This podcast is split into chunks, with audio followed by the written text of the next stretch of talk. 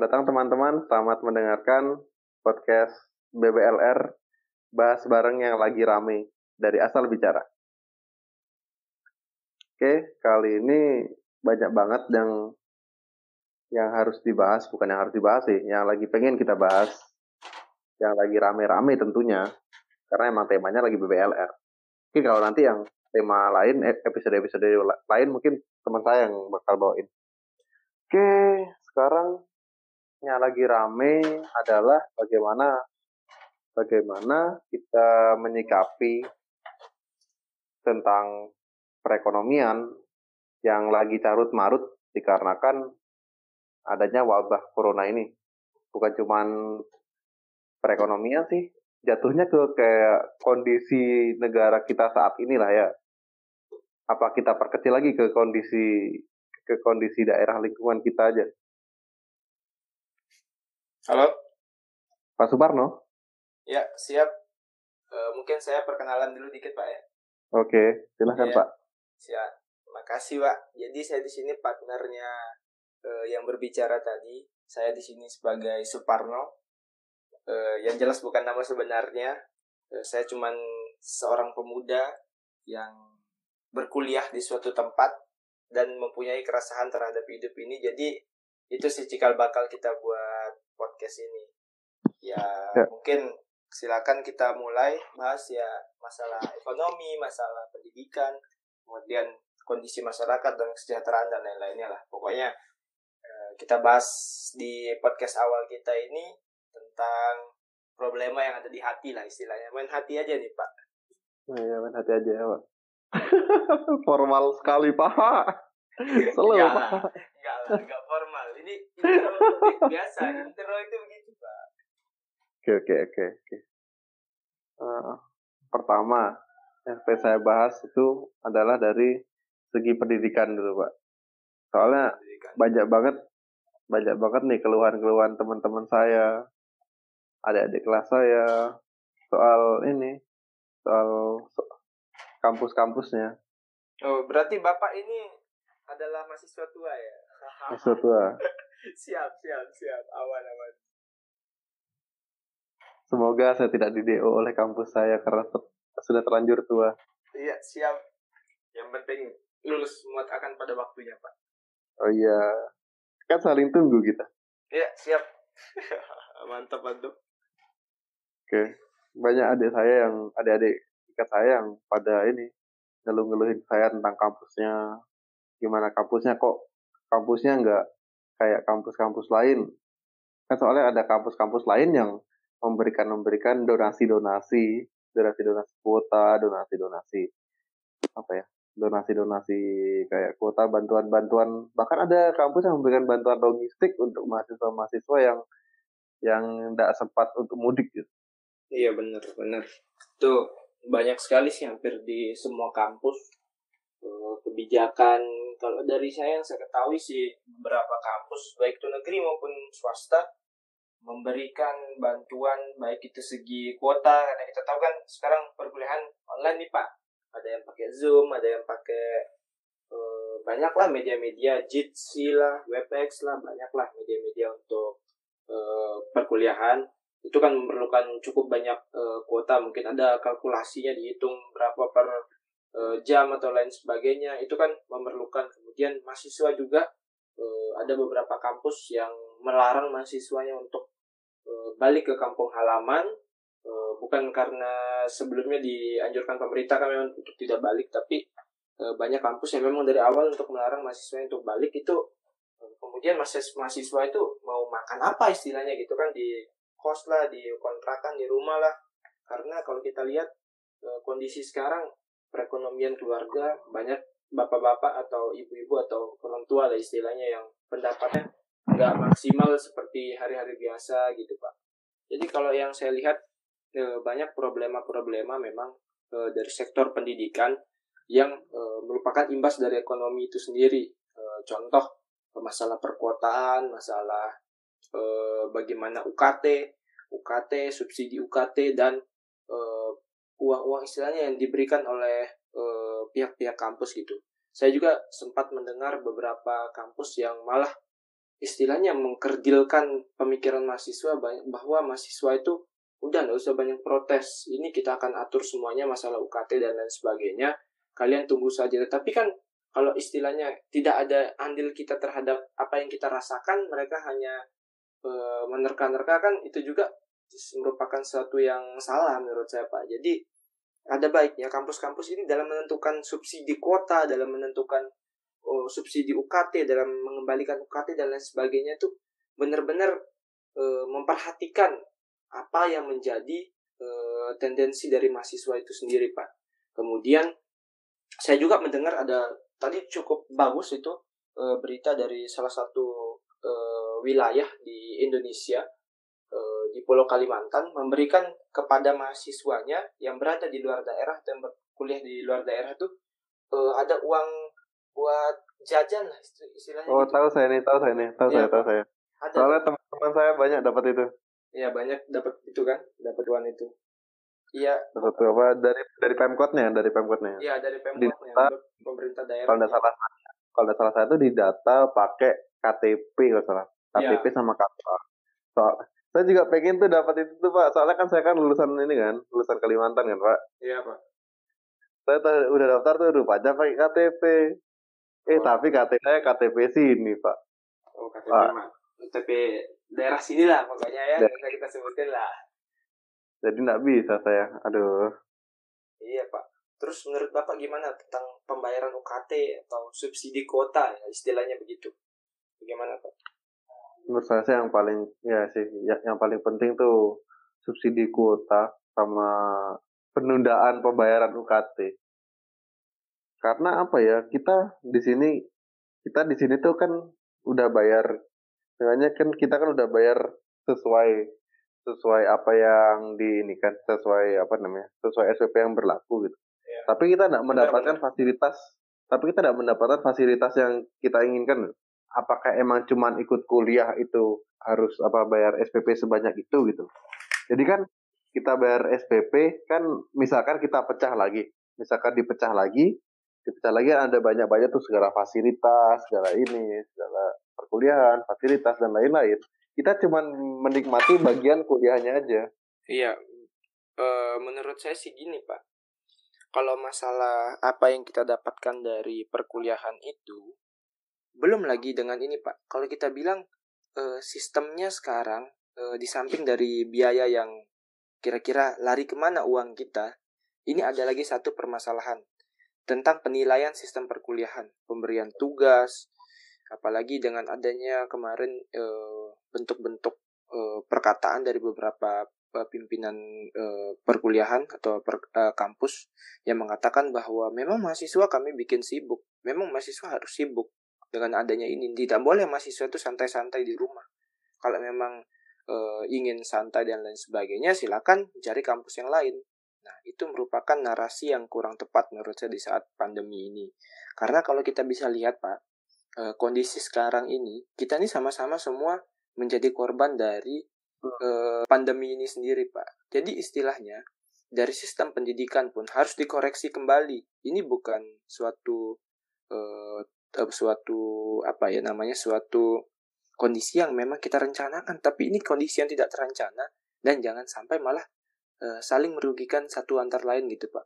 Dosen juga harus paham dengan kondisi mahasiswa yang mungkin tidak semuanya memiliki fasilitas yang mumpuni, kemudian uh, mahasiswa juga paham dengan uh, kondisi bagaimana supaya pendidikan itu berjalan dengan baik gitu Pak.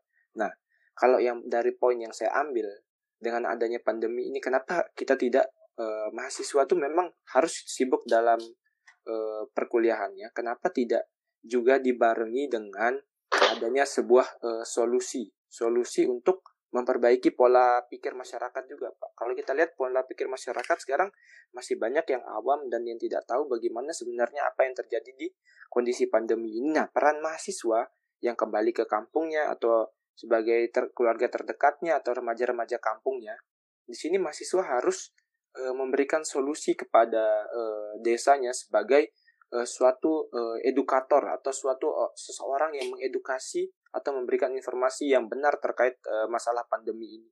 Nah, kenapa tidak uh, itu saja solusi yang lebih baik dilakukan oleh pihak-pihak kampus, bukan hanya memberikan tugas yang menumpuk, Pak. Lebih baik diarahkan kepada solusi untuk uh, menjadikan mahasiswa itu sebagai uh, edukator kembali ke masyarakat itu lebih uh, kena menurut saya. Gimana menurut Bapak sih? Ya, seperti menjalankan tridharma perguruan tinggi ya. Iya, benar sekali. Kembali ke masyarakat. Kembali ke masyarakat semuanya. Karena kalau kita lihat uh, bukan hanya memang penting pelajaran yang sesuai dengan jurusan kita masing-masing itu tapi itu masih bisa disusul masih bisa dikurangi jatahnya karena memang pandemi tapi urgensi yang paling penting adalah bagaimana kita sama-sama uh, memperbaiki kondisi ini kita sudah berhadapan dengan uh, corona ini virus corona ini di depan mata kita pak. Sudah memang besar gitu. Tapi pola pikir masyarakat itu yang menjadi urgensi terpenting karena uh, corona ini bisa terpengaruh atau bisa mem, mem, apa uh, terbaiki lah gitu istilahnya. Dapat uh, pulih cepat dapat uh, cepat kita uh, baik kondisi dan lain sebagainya. Dengan cara kita itu bisa mengedukasi masyarakat untuk paham bagaimana cara social distancing, physical distancing, cuci tangan lah, dan edukasi-edukasi lainnya lah Pak. Begitu menurut saya yang lebih penting kita harus lakukan sekarang. Contohnya juga apa ya? Yang so soalnya yang udah jadi bukti nyata untuk yang melawan corona tuh contohnya Vietnam. Iya pak. Vietnam. Masyarakat masyarakatnya disiplin sekali dan saya acungi jempol soal itu.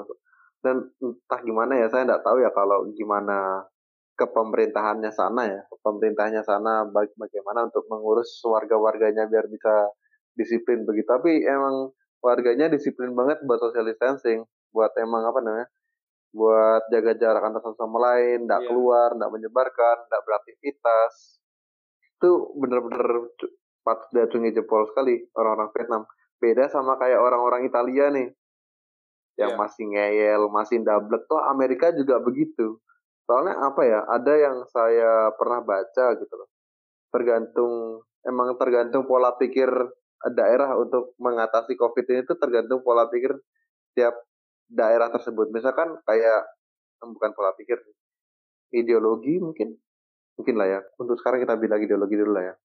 Nah kayak gini lah, misalkan Vietnam, Vietnam orangnya kan agak ini, agak mengarah ke sosialis. Iya benar. Nah itu jadi lebih cepat ini. Soalnya ada beberapa yang bilang negara yang menjunjung, menjunjung sosialis akan lebih mudah untuk melawan Di, corona daripada orang yang menjunjung asasi asasi manusia. Lebih lebih dikontrol lah istilahnya pak. Hmm kontrol dalam uh, tanda kutip uh, menekan istilahnya tapi itu memang sebuah solusi untuk sekarang ini menurut sebuah saya. solusi ya dan negara-negara yang menjunjung tinggi hak asasi manusia kayak Amerika apa ya Amerika Italia itu malah kayak yang kotar katir nah ini iya, orang-orang pada malah malah ada yang kemarin itu yang anti lockdown dan dia terbukti terbukti corona positif corona yang ketua anti lockdown ini. Iya benar. Karena menurut saya eh, lockdown itu merupakan eh, solusi. Apalagi kondisi masyarakat Indonesia. Memang eh, kalau kita lihat eh, lockdown itu sangat berat dan harus memikirkan berbagai aspek dan lain sebagainya. Tetapi kita lihat kembali itulah solusi yang eh, mungkin bisa kita tawarkan adalah kembalikan peran sebagai mahasiswa untuk mewujudkan sebagai uh, istilahnya itu kalau saya bilang kita kembali ke kampung halaman atau ke desa, kelurahan atau apa.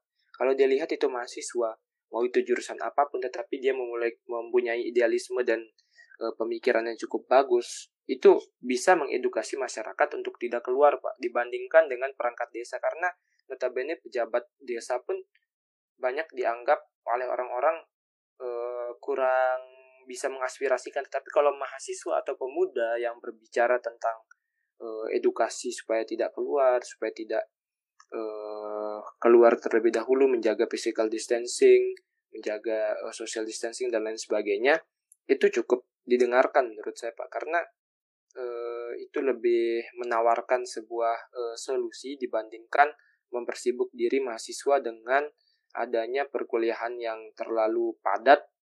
Di samping itu juga pembayaran perkuliahan yang cukup memang tidak bisa dihindarkan gitu pak. Apalagi juga dengan tugas-tugas yang lumayan membuat kita kesal juga sih. Iya benar-benar. Karena balik lagi ke tadi yang soal penilaian penilaian penugasan dan segala macam yang sudah apa ya sudah saya bahas dalam beberapa tulisan kayak kampus-kampus ini lebih uh, mempersiapkan mempersiapkan agar bagaimana kuliah online tetap efektif. Akan tetapi langkah yang dilakukan adalah langkah yang paling tidak efektif. Dan saya bingung kenapa kenapa ada kampus yang bisa melakukan hal seperti itu loh. Kan gini, dia mencoba untuk konsep dasarnya gini, konsep dasarnya adalah gimana sih mahasiswa itu agar tetap memperhatikan kuliah yang dilaksanakan. Jikalaupun dia tidak melakukan tidak memperhatikan kuliah yang yang dilaksanakan akan diberikan tugas. Apakah dia tugasnya itu apa? Tugas tentang rangkuman rangkuman hal yang rangkuman dari kuliah-kuliah yang disampaikan.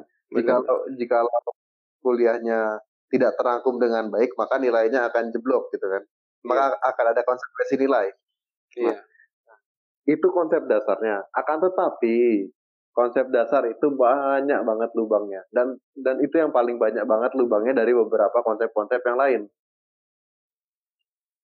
Contohnya, contohnya yang awal dari ini. Kuliah online adalah apa ya? Banyak kendalanya. Mungkin dari seperti yang Bapak bilang tadi kayak dari segi kuota, dari segi kuota, dari segi konektivitas, dan dari segi teknikal-teknikal lainnya. Kayak apakah semua laptopnya bisa, apakah HP-nya lagi ini, HP-nya lagi apa namanya? HP-nya kuat untuk nge-zoom, atau kuotanya kuat, atau koneksinya lancar atau tidak, itu kan semua bukan bukan kemampuan kita untuk untuk apa ya untuk bisa menangkal itu semua untuk bisa me, apa ya memprovide itu semua gitu mungkin untuk kalau yang laptop atau yang HP itu mungkin kita bisa karena emang notabene rata-rata HP-nya HP kita udah smartphone semua sih dan untuk yang masalah utama adalah jaringan dan kuota.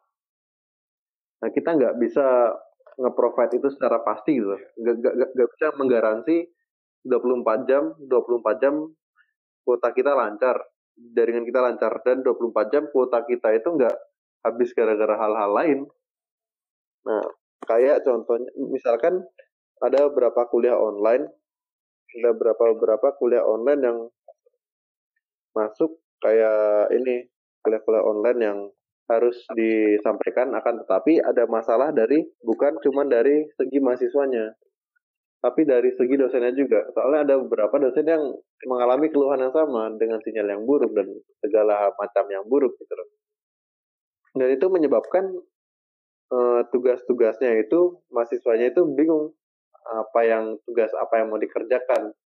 Karena emang materinya cuma dari materi yang disampaikan gitu akankah lebih baik kalau materinya itu sang dosen membuat materinya secara tidak online lalu akan lalu misalkan dia buat video atau rekaman atau buat podcast begini terus dikirimin ke mahasiswanya masing-masing mahasiswa.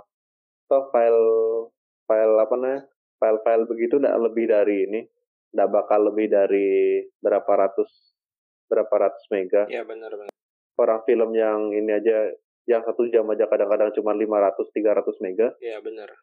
Kita bisa menghemat sekitar sepertiga kuota loh. Iya sih. Apalagi gini, tadi saya dapat baca di salah satu postingan di Instagram uh, yang cukup uh, nyeleneh dan cukup asik menurut saya untuk dikomentari yaitu mengatakan bahwa uh, IP semester ini dipengaruhi oleh jaringan internet kemudian ke, ke banyaknya kuota dan uh, apa namanya bantuan dari teman gitu itu menurut saya kata-kata yang cocok di sangat diaplikasikan untuk kondisi saat ini gimana menurut bapak?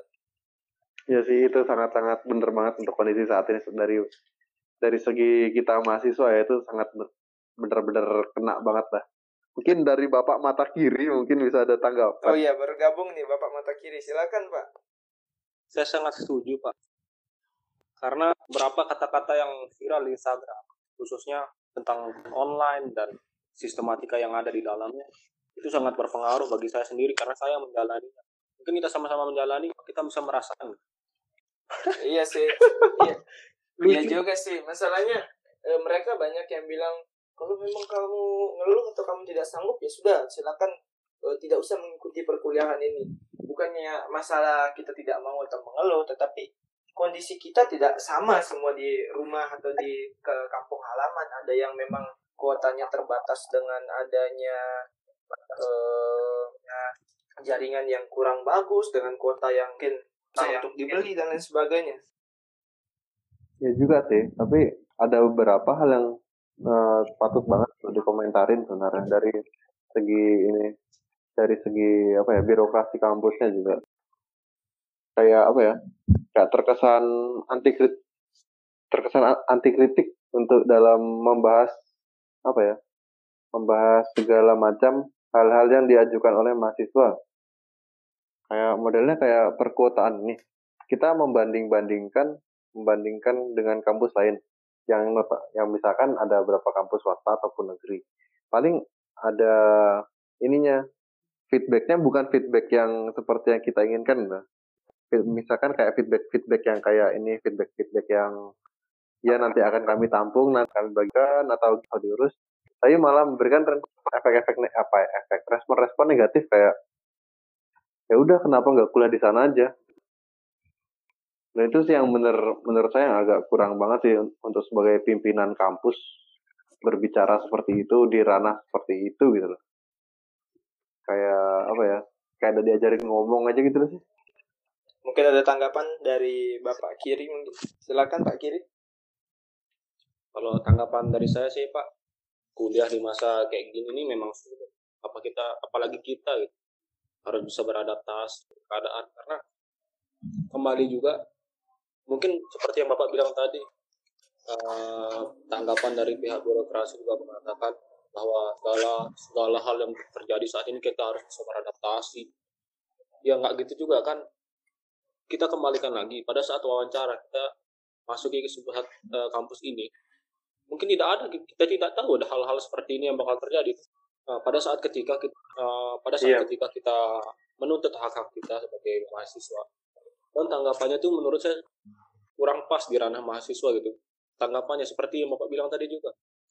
Kenapa kamu nggak uh, masuk kampus lain aja kenapa nggak gini aja kenapa nggak gitu aja gitu. tak pendapat saya sih orang-orang seperti itu harus kembali jadi mahasiswa pak kocak kocak kocak anjir asli Luar biasa Bapak. Bapak mau mahasiswakan S3 Bapak. Mau jadi apa? Sempat. Aduh, aduh. Jangan, jangan. Jangan, jangan sebut, jangan sampai anonim kita ketahuan, Pak. Luar biasa Bapak. Ini lagi, Pak. Ada problema tentang sistem ujian. Uh, saya dapat dari salah satu kampus uh, negeri di wilayah barat bahwa uh, ujian menggunakan uh, Google Form atau Gform itu uh, menggunakan seperti yang kalau bapak tahu mungkin algorit algoritma atau coding. Jadi misalkan dia, algoritma. dia misalkan dia uh, menggunakan uh, menginput input jawabannya di Gform itu, tetapi tidak diawali dengan huruf kapital di depan, itu otomatis nilainya adalah nol. Meskipun dia menjawab jawabannya sangat benar, tapi ada sesuatu tahap tidak menggunakan titik atau tidak menggunakan huruf kapital di depan, itu akan salah jawabannya Pak. Gimana menurut Bapak itu?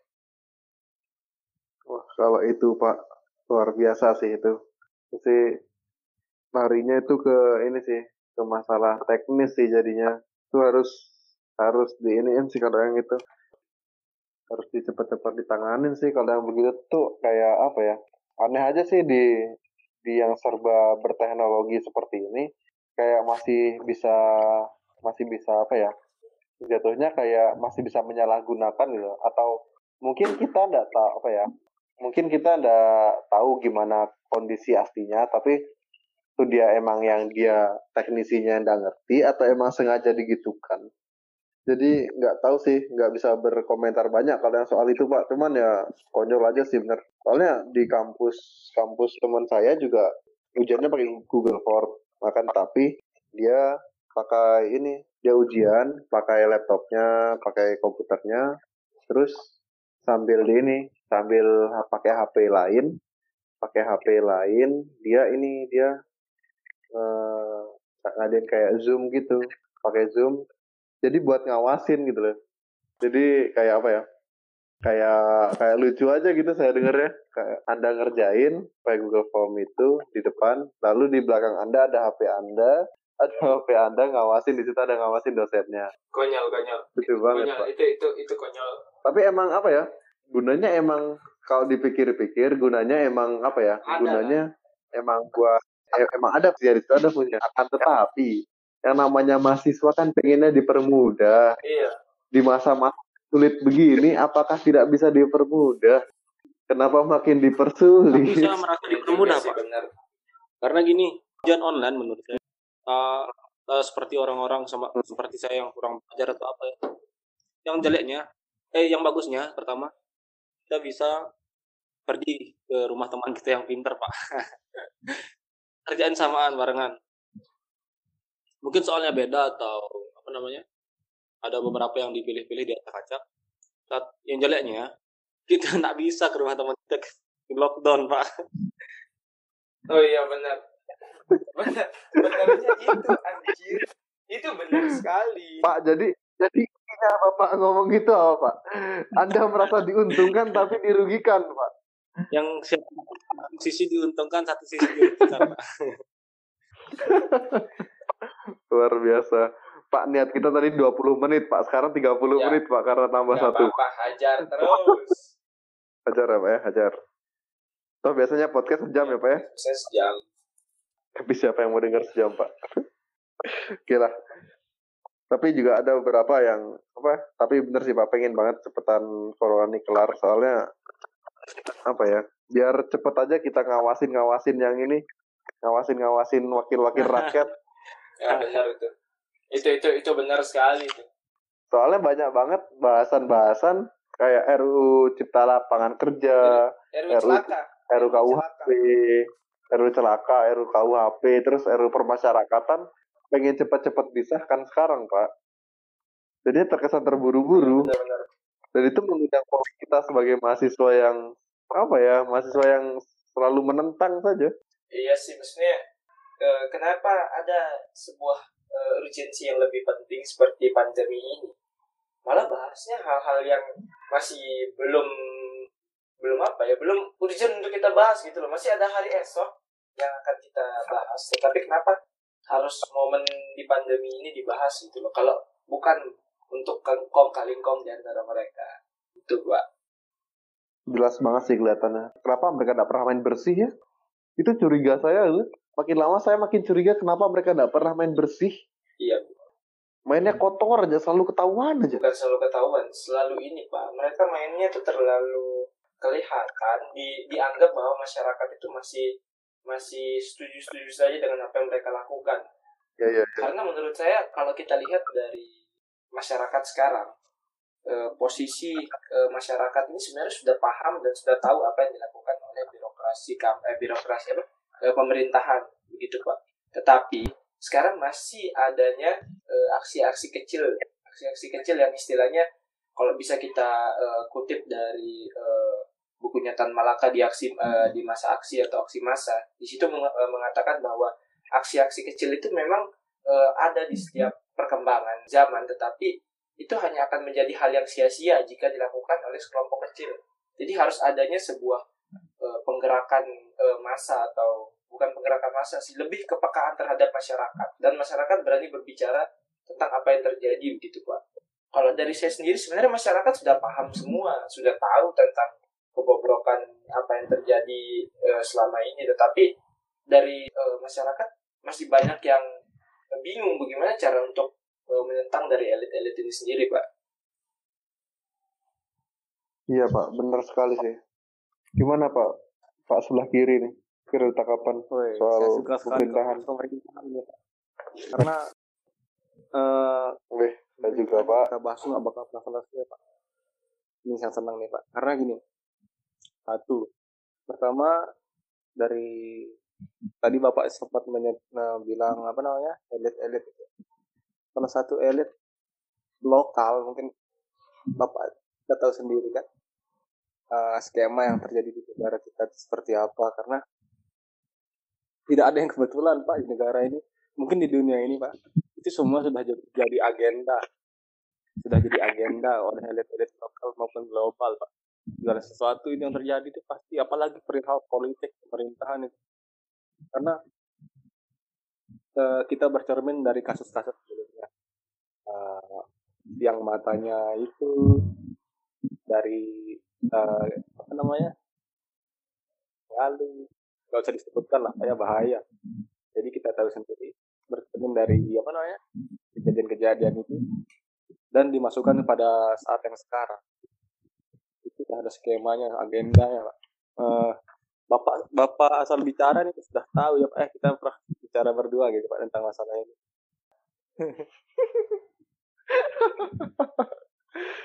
Pak Suparno nggak tahu masalah ini Pak. Ceritakan Pak.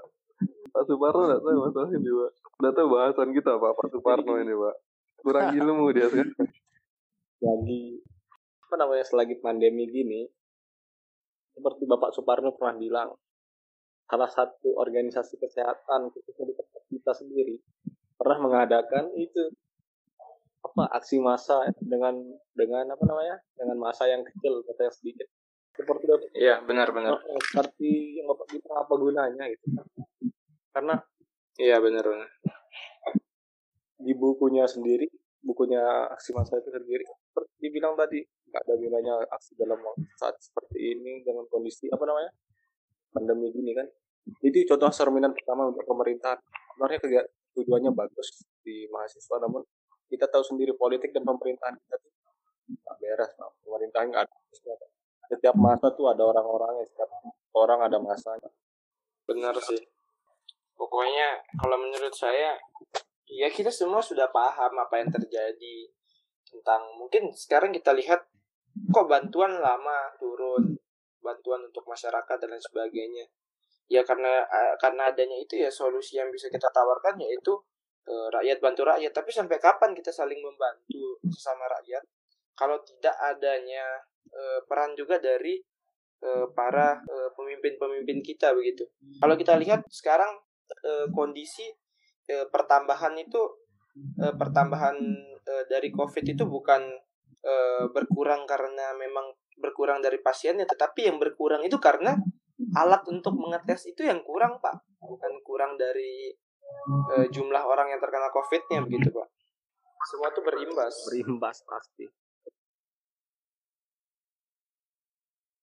Jadi Pak Suparno mungkin Pak Suparno bisa merangkum pembicaraan atau memberikan closing statement ya kalau closing statement dari saya sendiri sih mungkin kalau kita lihat dari kondisi sekarang uh, dari kondisi permasalahan pandemi ini uh, nyangkut atau merujuk kepada permasalahan ek ekonomi juga tentang bagaimana imbas terhadap pembayaran eh, UKT terhadap uh, perkuliahan dan lain sebagainya terhadap ekonomi uh, kehidupan seorang mahasiswa. Kemudian itu juga uh, berimbas terhadap adanya tugas-tugas mahasiswa kemudian kebutuhan hidup mahasiswa yang berada di uh, tanah rantau dan lain sebagainya.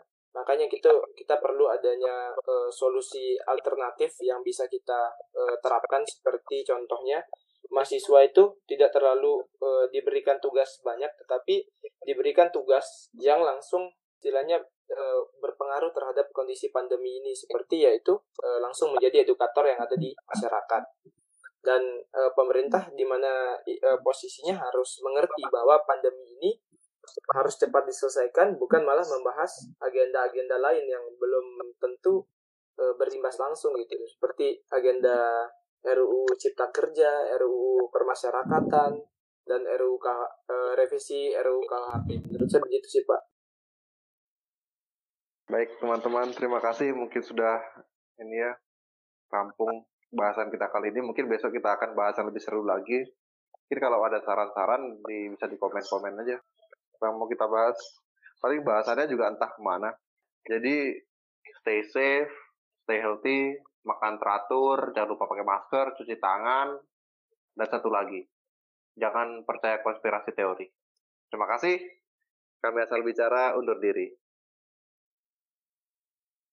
Haredang, haredang, panas, panas, panas.